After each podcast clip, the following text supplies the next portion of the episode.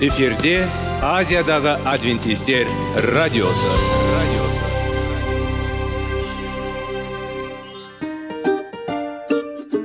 сәлем достар. Денсаулық өмір бұлағы және біздің бірінші байлығымыз демекші денсаулық сағаты рубрикасына қош келдіңіздер. Біздің рубрикада біз әртүрлі факторларменен мәліметтерменен кеңестерменен бөлісіп шын жүректен сіздердің дендеріңіз сау болғанын қалаймыз. Сол үшін біздің рубрикаға қош келдіңіздер. Дайындалып тұрыңыздар. Өйткені келесі минуттарда қызықты фактілерге ие боласыздар. Енді достар ең бірінші байлығымызды қолымызға алып алға кеттік.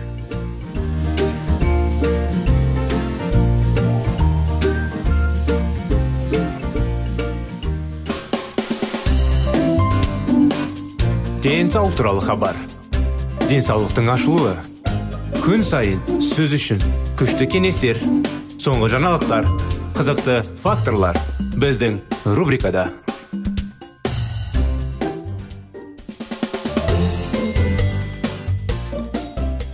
сәлем достар ассалаумағалейкум құрметті біздің радио тыңдаушыларымыз біздің денсаулық сағат бағдарламамызға қош келдіңіздер сіздерменен бірге әрдайым денсаулыққа пайдалы кеңестер мәліметтер жаңа жаңа тақырыптар дайындап сіздер үшін арнаймыз сондықтан біздің бағдарламадан алыстамаңыздар қазіргі уақытта біздің денсаулық сағат бағдарламамызда салауатты болу тақырыптарын бастап жатырмыз сіздермен бірге. Сондықтан салауатты болу бақытты болу барлық адамдар сау болғысы келеді. Дұрыс қой. Бұл туралы көп айтады жазады бірақ барлық негізі қағидаттарын ұстанатын денсаулық. Неміс философы артур шопенгаузер бір кездері былай деген екен. Біздің бақытымыздың тоғыз бөлігі салауатты өмір салтына байланысты. Салауатты өмір салты ұғымына нақты анықтама беру оңай емес. Бірақ тұтастай алғанда бұл дене сондай ақ рухани денсаулықты нығайтуға арналған іс әрекеттердің дұрыс тәртібі. Кез келген игі бастамалар сияқты мұнда көп күш салу керек. Өз зиянды әдетін жасау ниетімізді бақылап өз ақыл ойымызды толтыратынымызға өте сақ болу керек. Салауатты өмір салты ұғымы аса өзекті. Қазіргі қоғам адам ғасыр ағзасында көптеген теріс факторлар әсер еткен кезде жер тарихында өмір сүреді. Ластанған бос рух пен су күнделікті сует асығыс және нерв шамадан тыс көруші. Біз аз қозғалмасақ және одан да көп уақыт өткіземіз. Бұл және тағы басқалар біздің денсаулық жағдайында жағымсыз ілгерілерді тудырады. Салауатты өмір салты денсаулықты сақтау мен нығайтудың қажеті шарты болып табылады. Дені сау адам дені сау отбасы ал дені сау қоғам. Жохан мәсіхтің шәкірттерінің бірі. Бірінші ғасырда өзінің өзіне жақын адамдардың біріне жазған хатында. Қартайған сүйікті ғая мен шын мәнінде жақсы көремін деп. Дұға сен үшін денсаулық және үлгерім барлық ретінде үлгерді рухты сенің рухыңды қалайды дейді. Өйткені мен өте қатты қуандым дейді. Қашан келеді менің бауырластарым және куәгерлік еткен сенің адалдығын сен де қалай қалайсың? Мен үшін балаларымның ақиқатына жүрегінің естуіне үлкен қуаныш жоқ дейді. Шындық бұл адам өз ақылын меңгеру керек жай ғана емес шындық адамның ақылын қоректендіретін білім және оның бүкіл өмірін тартатын сүйкімді жүрек. Шындық бұл адамды итермелейді ойлау және түсе де бұйрық береді. Сонда жасалды. Шындығында жүру салауатты өмір салды.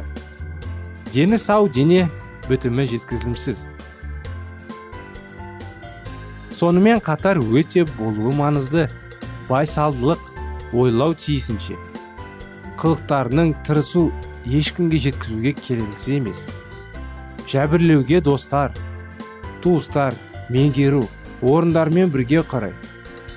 Дене жаттығуларымен ду адамгершілік рухани жаттығу қажет ал бұл дегеніміз жақсы істер жасау жақындарын сүю адамдарға қуаныш әкелу өнілдерді толқыған ренжіген адамдарды жанынан өтпеу.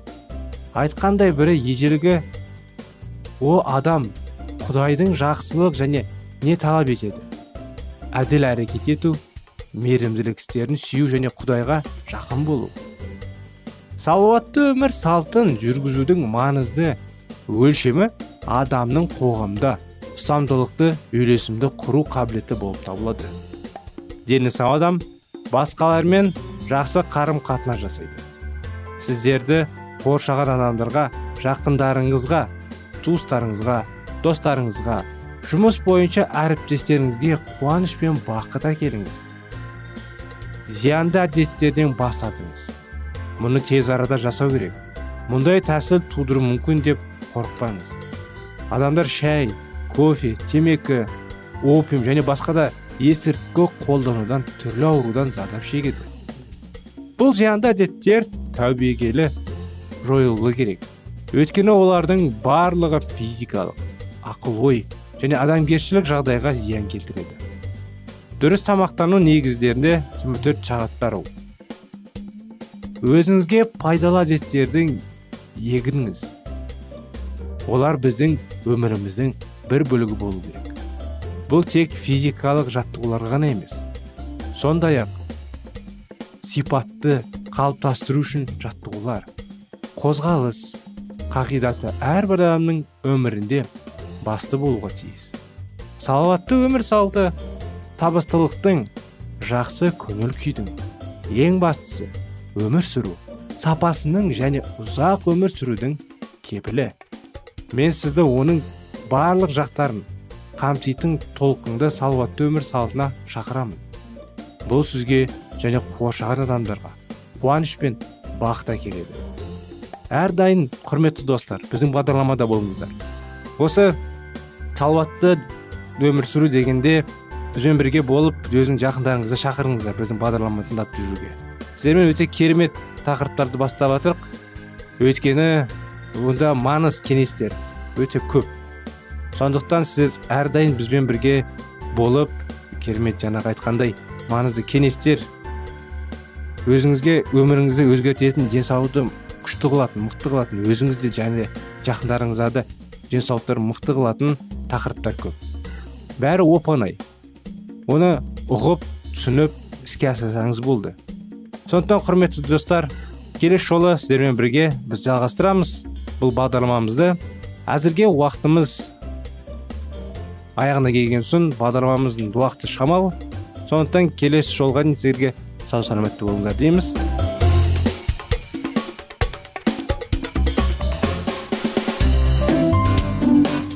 Денсаулық туралы хабар. Денсаулықтың ашылуы. Күн сайын сөз үшін күшті кеңестер. Соңғы жаңалықтар қызықты факторлар біздің рубрикада.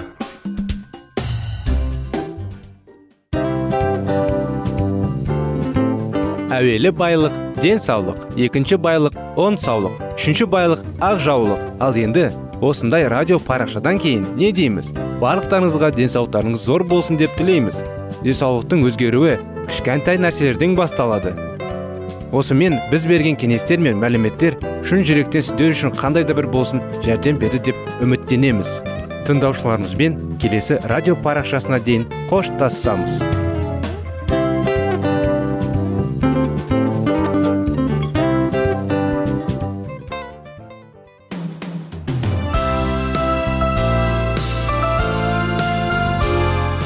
эфирде азиядағы адвентистер радиосы.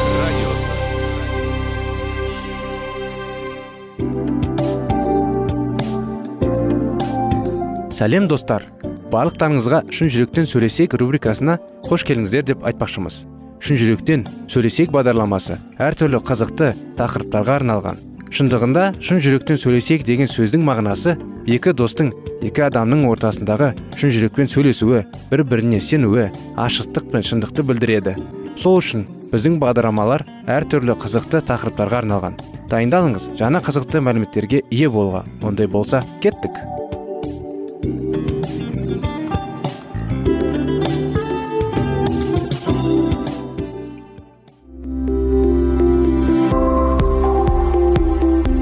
алтын сөздер.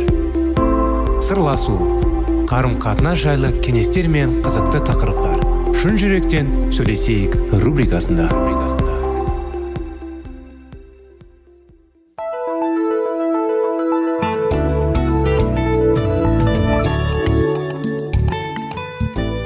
Армысыздар сәлеметсіздер ме құрметті радио тыңдаушыларымыз? Құрметті достар сіздермен бірге шын жүректен сөйлесейік бағдарламасы. Мінекей сіздердің назарларыңызға шектеулер. Шектеулерді қалай қою? Шектеулер не үшін керек? Кітабын жалғастырудамыз. Сұрақтарды бастаған едік сол өткен жолы үшінші сұраққа келдік. Отбасымның мүшелері менің жақын достарым бола ала ма? Деген сұрақ тұр. Шектеулердің жаңа орната бастаған адамдар кейде былай дейді. Менің анам әкем қарындасым бауырым менің ең жақын досым. Көбіне олар өздерінің бақытты санайды. Себебі күйзелген шақтарында өздері өскен отбасы мүшелері олардың ең жайқын достарына айналады. Оларға отбасы мүшелеріне тыс жақын достарына болуына қажет жоқ секілді болып көрінеді. Мұндай адамдар отбасының киелі кітапты қызметін түсінбейді. Құдайдың ойластыруы бойынша отбасы бұл біз сонда өсетін және өмірімізге қажетті қабілеттерімізді дамытатын ұямыз. Ал ұяның қызметі аяқталған кезде отбасы жас адамның ұядан ұшып рухани және сезімдік жағынан өз бетінше өмір сүруіне жағдай жасауға тиіс. Ересек адам құдай өзіне арнаған нәрсенің бәрін атқаруға ерікті. Уақыты келгенде құдай алдымызға қойған мақсатты орындап барлық халықтарға оның сүйіспеншілігі мен ілімін тартуға тиіспіз. Сезімдік жағынан отбасынан шықпай қалатын болсақ онда біз осы мақсатқа жетуге кедергі жасаймыз. Өмір бойы бір көшеден әрі шықпайтын болсаң әлемді қалай өзгертесің? Шектеулерін орнатып үйінен шықпайынша және адамдармен араласпайынша ешкімде келік кітаптық мағында ересек бола алмайды. Мұның бәрінсіз біз өзіміздегі қандай да бір көзқарастарының пайда болғаны тұлға ретінде қалыптасқанымызды немесе көзқарастарымызда жай ғана отбасымызға ұқсап жүргенімізді айқындай алмаймыз. Отбасымыздың мүшелері достарымыз бола ала ма? Әрине бола алады. Бірақ егер сіз отбасыңыз бойыңызға сіңірген көзқарастарға ешқашан күмән келтірмеген болсаңыз шекаралар орнатпасаңыз және отбасы мүшелерімен жанжалға ешқашан ересек адамдарға тән деңгейде берік болмай шуын әбден мүмкін. Егер сіздің достарыңыздың шеңбері отбасы мүшелерінен отбасынан ажыраудан өзінше өмір сүретін тұлға болуды қорқып ересек адамға айналудан қаламай сүрген болуыңыз мүмкін. Сонымен мына алдымызда енді төртінші сұрақ тұр. Көмекке мұқтаж достармен арамызға қандай шектеулер орнатуыма болады? Бірде мен өзін өзге адамдардан оқшау ұстауға талпынған бір әйелге кеңес берді. Ол енді өз өзін ұстай алмайтын жағдайға жеткені сезініпті.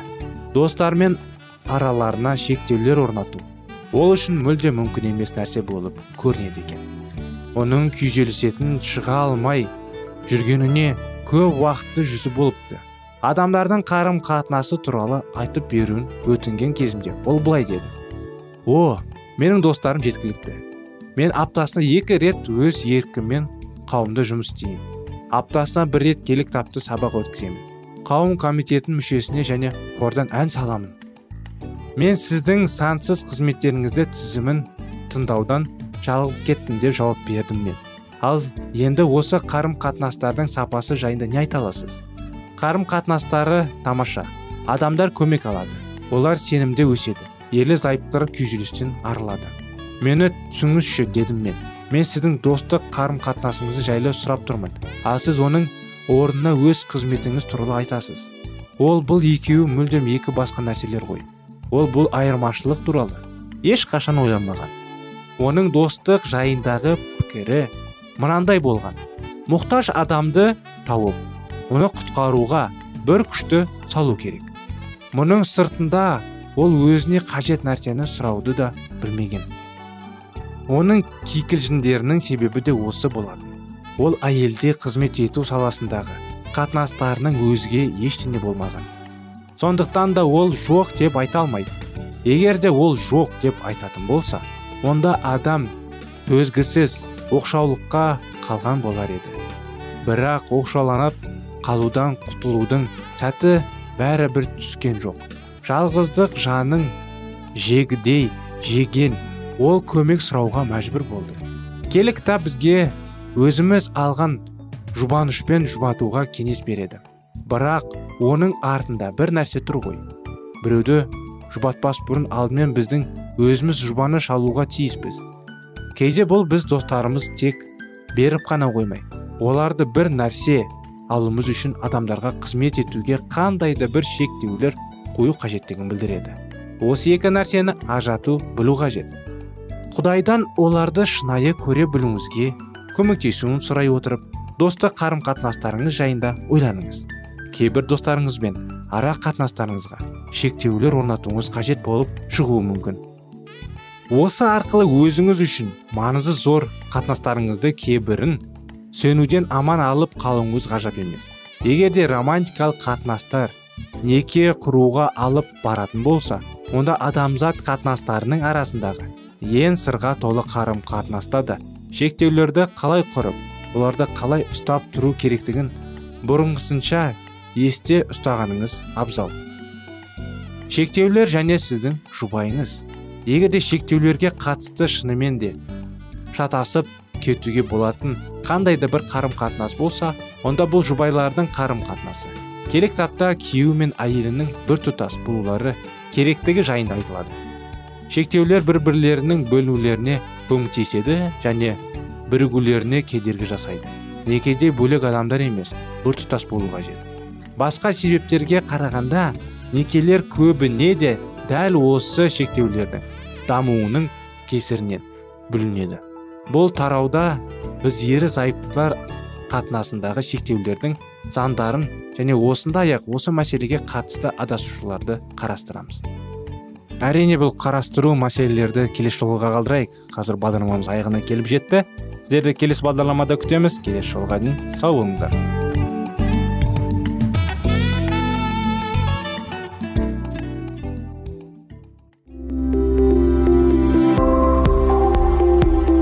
Алтын сөздер. Сырласу. Қарым қатынас жайлы кеңестер мен қызықты тақырыптар.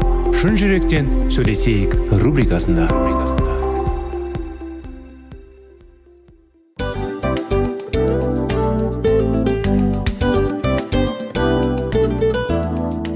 Құрметті достар барлық ең соңғы кеңестер аяқталған соң біздің программамыз соңына келіп қалды. Осы біздің мәліметтер осы рубрикада айтылған әрбір сөздер сіздерге өзінің қандай да бір пайдасын алып келді деп шын жүректен сенеміз. Және бұдан да көптеген рубрикаларымыз бар.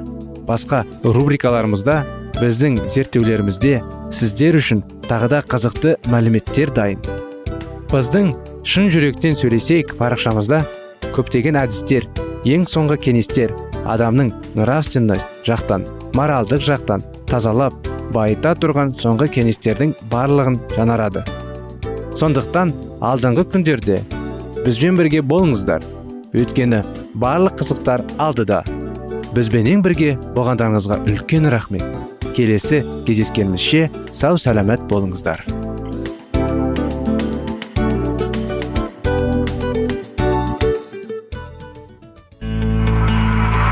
Жан дүниеңді байытқан жүрегіңді жаңғыртқан өмірдің мағынасын ойландырған рухани жаңғыру. Рубрикасы.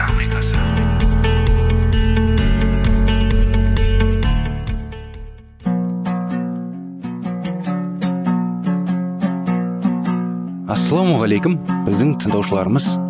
Келі кітаптың шындығын ашып берген қысқа бағдарламасына қош келдіңіздер. Барлығынан жоғары жаратушы біздің қарыңғылықта жалғыз қалдырып қойған емес. Өйткені ол келешекте не болу керек екенін киелі кітаптың парақтарында ашып береді. Немесе келіңіздер бізге қосылыңыздар. Жаратушы бізге нен ашып бергенін зерттейміз. Сәлеметсіздер ме біздің тыңдаушыларымыз біздің достарымыз? Біздің рухани жаңғыру бағдарламасына қош келдіңіздер деп айтқымыз келеді сіздерге. Мінекей біздің рухани бағдарламасында көптеген тақырыптарды зерттейміз кеңестер аламыз. Өздеріңіз әрдайым бізбен болған кезде оны байқап жүрсіздер. Сонымен қатар соңғы кездерде біз талдап зерттеп бірге оқып жүрген кітабымыз жаратушыға апарар жол жайлы. Өткен жолдары біз еске түсіре кетсек не жайлы өттік? Құдаймен қарым қатынас жайлы. Құдайға мадақ ету құдайға рахмет айту шүкірлік ету. Сол жайлы өткен едік. А қазір енді тақырып кітаптың ішінде кішігірім тақырып күдіктерімізді не істейміз деген тақырып. Ол дұрыс тақырып әрине. Әр адамның ішінде күдіктен болады. Сондықтан мәсіхшілдік жолында жаңадан түскен адамдардың арасында өздерінің күдіктерінің салдарына қиналып жүргендер де бар. Келі кітапта олар түсініп ажырата алмайтын жайлар көп. Әзәзіл шайтан осы жағдайды пайдалана отырып олардың келі жазбаға деген сенімдерін шайқалтқысы келеді. Ондай адамдар мен сенімді жолдан қалай табамын? егер келі кітап шынымен құдайдың сөзі болса онда мені көкейімде жүрген түсініксіз ойлар мен күдіктер қалай аурудан болады? деген сұрақтарды жиі қояды. Құдай біздің сенімімізді бектеу үшін бұлттартпас дәлелдерді жеткілікті түрде бермеген болса онда ол еш уақытта бізді өзімізде сенуімізді сұраған болар еді. Жаратқан иенің болмысы оның мінез құлқы оның шын мәнінде бар екендігі оның киелі сөзінің ақиқи шындық екендігі біздің ақыл ойымызбен жан дүниемізді жіберетін дәлелдемелер мен куәліктер негізінде дәлелденген. Осындай бұлттарында дәлелдермен жеткілікті. Жаратушы ие осындай күдіктер болмайды деп есептеген. Біздің сеніміміз дәлелдемеге негізіндегілі тиіс. Мұндай дәлелдемелердің ерекше бір құбылыстарға байланысты болу міндетті жиі емес. Күдікті іздеушілер күмәндану үшін себеп табады. Ақиқи шындықты білгісі келетіндер өзінің сеніміне негіз байланысында дәлелдемелерді жеткілікті түрде таба алады. Біздің шектеулі ақыл ойымыз шексіз құдайдың ісі мен болмасын мінез құлқы толық түсіне аламайды. Ең зерк және білімді адам үшін қасиетті өмір иесі барлық уақытта тереңіне жете алмайтындай құпия күйінде қалады. Сен зерттеу арқылы құдайды ұғынып тани аласың ба? Бәрін билеп ұсынушы толыққай түсіне аласың ба? Ол аспандарда да жоғарғы не істейтін аласың? Тамұқтардан да терең не біле аласың? Елші паул былай дейді. Римдіктерге арналған хаттың 11 бірінші тарауында отыз үшінші аятында. О неткен бай құдайдың даналығы неткен терең оның бірлік парасаты. Шешімдеріне адамның ақылы жетпес жолдары оның ешкім зерттеп бітпес дейді. Бұлттар мен қараңғы дүние оның айналасы оның тағының нағыз тірегі ақиқи шындық және дәл сот. Жаратушы иеміздің өзімізге деген қарым қатынасында әрдайым басшылыққа алып отыратын ой ниеті өзімізге көрсететін қамқорлығы туралы ой толығы туралы отырып біз оның құдіретін күшімен астап жататын шексіз сүйіспеншілік сезімдерін және мейірлі шапағатымен жарылқай білетін рақымшылығын көреміз. Біз жаратушы иеміздің он ниетін өзіміздің игіліктеріміз үшін қажетті қызмет шеңберінде ғана түсіне аламыз. Одан басқасын өзімізді шексіз де риясыз сүйіспеншілік сезімге бөлеп аялатын құдіретін күшті құдай әкемізге сеніп тапсырамыз. Құдай сөзі оның тәңірлік авторының мінез құлқы сияқты. Ешкімнің ешқашан зерттеп терең сырларына болай алмайтындай құпия болып табылады. Әлем дүниесінде күнәнің қайтадан түрілу қайта туу киелі кітапта баяндалған басқа да көптеген оқиғалар мен құбылыстар өте терең құпия болғандықтан адамзат баласын толықтай әрі терең ұғынып түсініп беруі қиын теді осыған байланысты құдайдың сөзі тұрғысында күмәндаушылық сезімдеріне көңіл толықтаудан мүлде уалықпас өйткені құдай сөзінің терең айтқанына түгелмен түсініп келген білген жоқпыз. Айналамызды қоршаған табиғат аясында да аяғына дейін түсіне алмайтындай құпия сырлары құбылыстар көп ақ. Өмірімізде әдеттегідей қарапайым сәттерде де біздің түсінуімізге қиын тиетін жұмбақ жайларға жиі жиі кездесеміз. Рухани дүниеде біздің түсінімізге және түсіндіруімізге қиын тиетін құпия құбылыстардың бір екендігіне тануымыз керек пе? Бір қиындық пен күрделікті адамның ақыл ойының шектеулі екендігінде киелі жазбалардың шығу тегінетін тәңірлік сипаты туралы тартымды да ұғымды дәлелдер бар. Біз құдай сөзінің барлық құпия сырларын тереңнен ұғына алмағандықтан күмәндаудан аулақ болғанымыз жөн. Киелі жазбада елші петр былай деп жазған болатын. Оларда бірақтар түсінуге қиын жерлер бар. Шынайы рухани тәлім алмаған тұрақсыз адамдар өзге келе жазбаларды бұрмалағандар сияқты. Бұларды да бұрмалап қате түсіндіреді. Сол арқылы олар тозақта түсулеріне өздері себепші болады.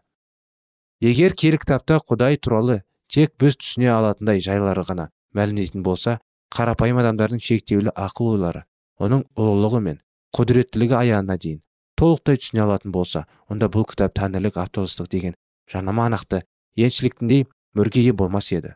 Бұл кітаптың ұлылығы және оның мазмұның желісіндегі орын алған құпияласы сыр. Осы туындының шын мәніндегі құдайдың ақиқат сөзі екендігін дәлелдейді. Кері кітап жан қарапайым сөздерді өзінен адамдардың қажеттіліктері мен сұрамдарының қанағаттандырып асыл армандарына жауап бере алатын және білім дегенделерін өте жоғары адамдарды өзін таңдандырып сүйіспенділігінде ақиқи шындықтың бетін ашады. Бұл кітапты құдайға мойын ұсынғандар мен білімді таяз адамдар бірле оқып ізгілікті әсерге бөленіп құтқарудың ақиқи жолын табыды. Киелі кітап беттендіре қарапайым ақиқи сөздер адамның білім деңгейіне жоғары тұратын жоғары рухы ұшы қиырлы жоқ терең шыққандарын туралы сыр шертеді. Соның өзіне де біз осы қиын ойларды түсінеміз. Өйткені осы ақиқи шындықты құдайдың өзі ашқан. Құдайдың өзі бізге өзін кітабын өзін сөзін берген. Әрине күнәмен күресу үшін. Бұл өмірдің қиыншылықтарымен өзімен бірге тығыз байланыста болып омаған жақынырақ болу үшін. Шайтанның азғыру азғырдың жаңағы бізге алдауыштарынан қалай қалай енді айналып өтіп құдайдың жәнінде болу үшін. Сондай сөздерді сондай кеңестерді құдай киелі кітап арқылы бізге береді. Сиынып оқып түсініп сондай мүмкіншілік бар. Мінекей достар әрдайым жаратушыға апарар жолды іздеп бірге сиынып тұрайық. Сондықтан бізбен бірге болғандарыңызға рахмет. Сау саламатты болыңыздар.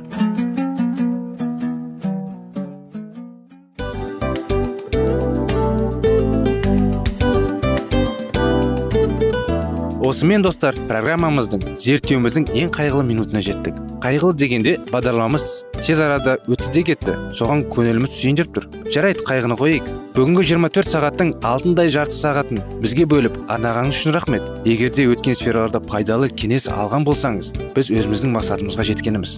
Тыңдаушыларымызбен қоштасу уақыты келді. Келесі кездесулерді сағынышпен күтеміз. Жарты сағатты кездесуіміз көз ашып шапқанша дем арасында өтіп кетті.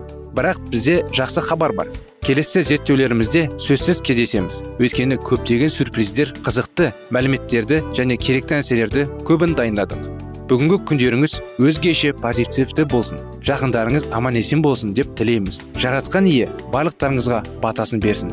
Істеген істеріңіз игілікті болсын. Келесі кездескенше сау саламат болыңыздар. Достар біздің бағдарлама бойынша сұрақтарыңыз болса әрине сіздерге керекті анықтама керек болса біздің whatsapp нөмірімізге хабарлассаңыздар болады. Плюс бір үш жүз бір жеті жүз алпыс алпыс жетпіс. Иә достар сіздер қателеспедіңіздер бұл біздің номерлерге ұқсас болмаса да бұл whatsapp номер арнайы. Хабарласыңыздар сұрақтарыңызды қойып тұрыңыздар. Анықтаманы алып тұрыңыздар. Плюс бір үш жүз бір жеті жүз алпыс алпыс жетпіс whatsapp номері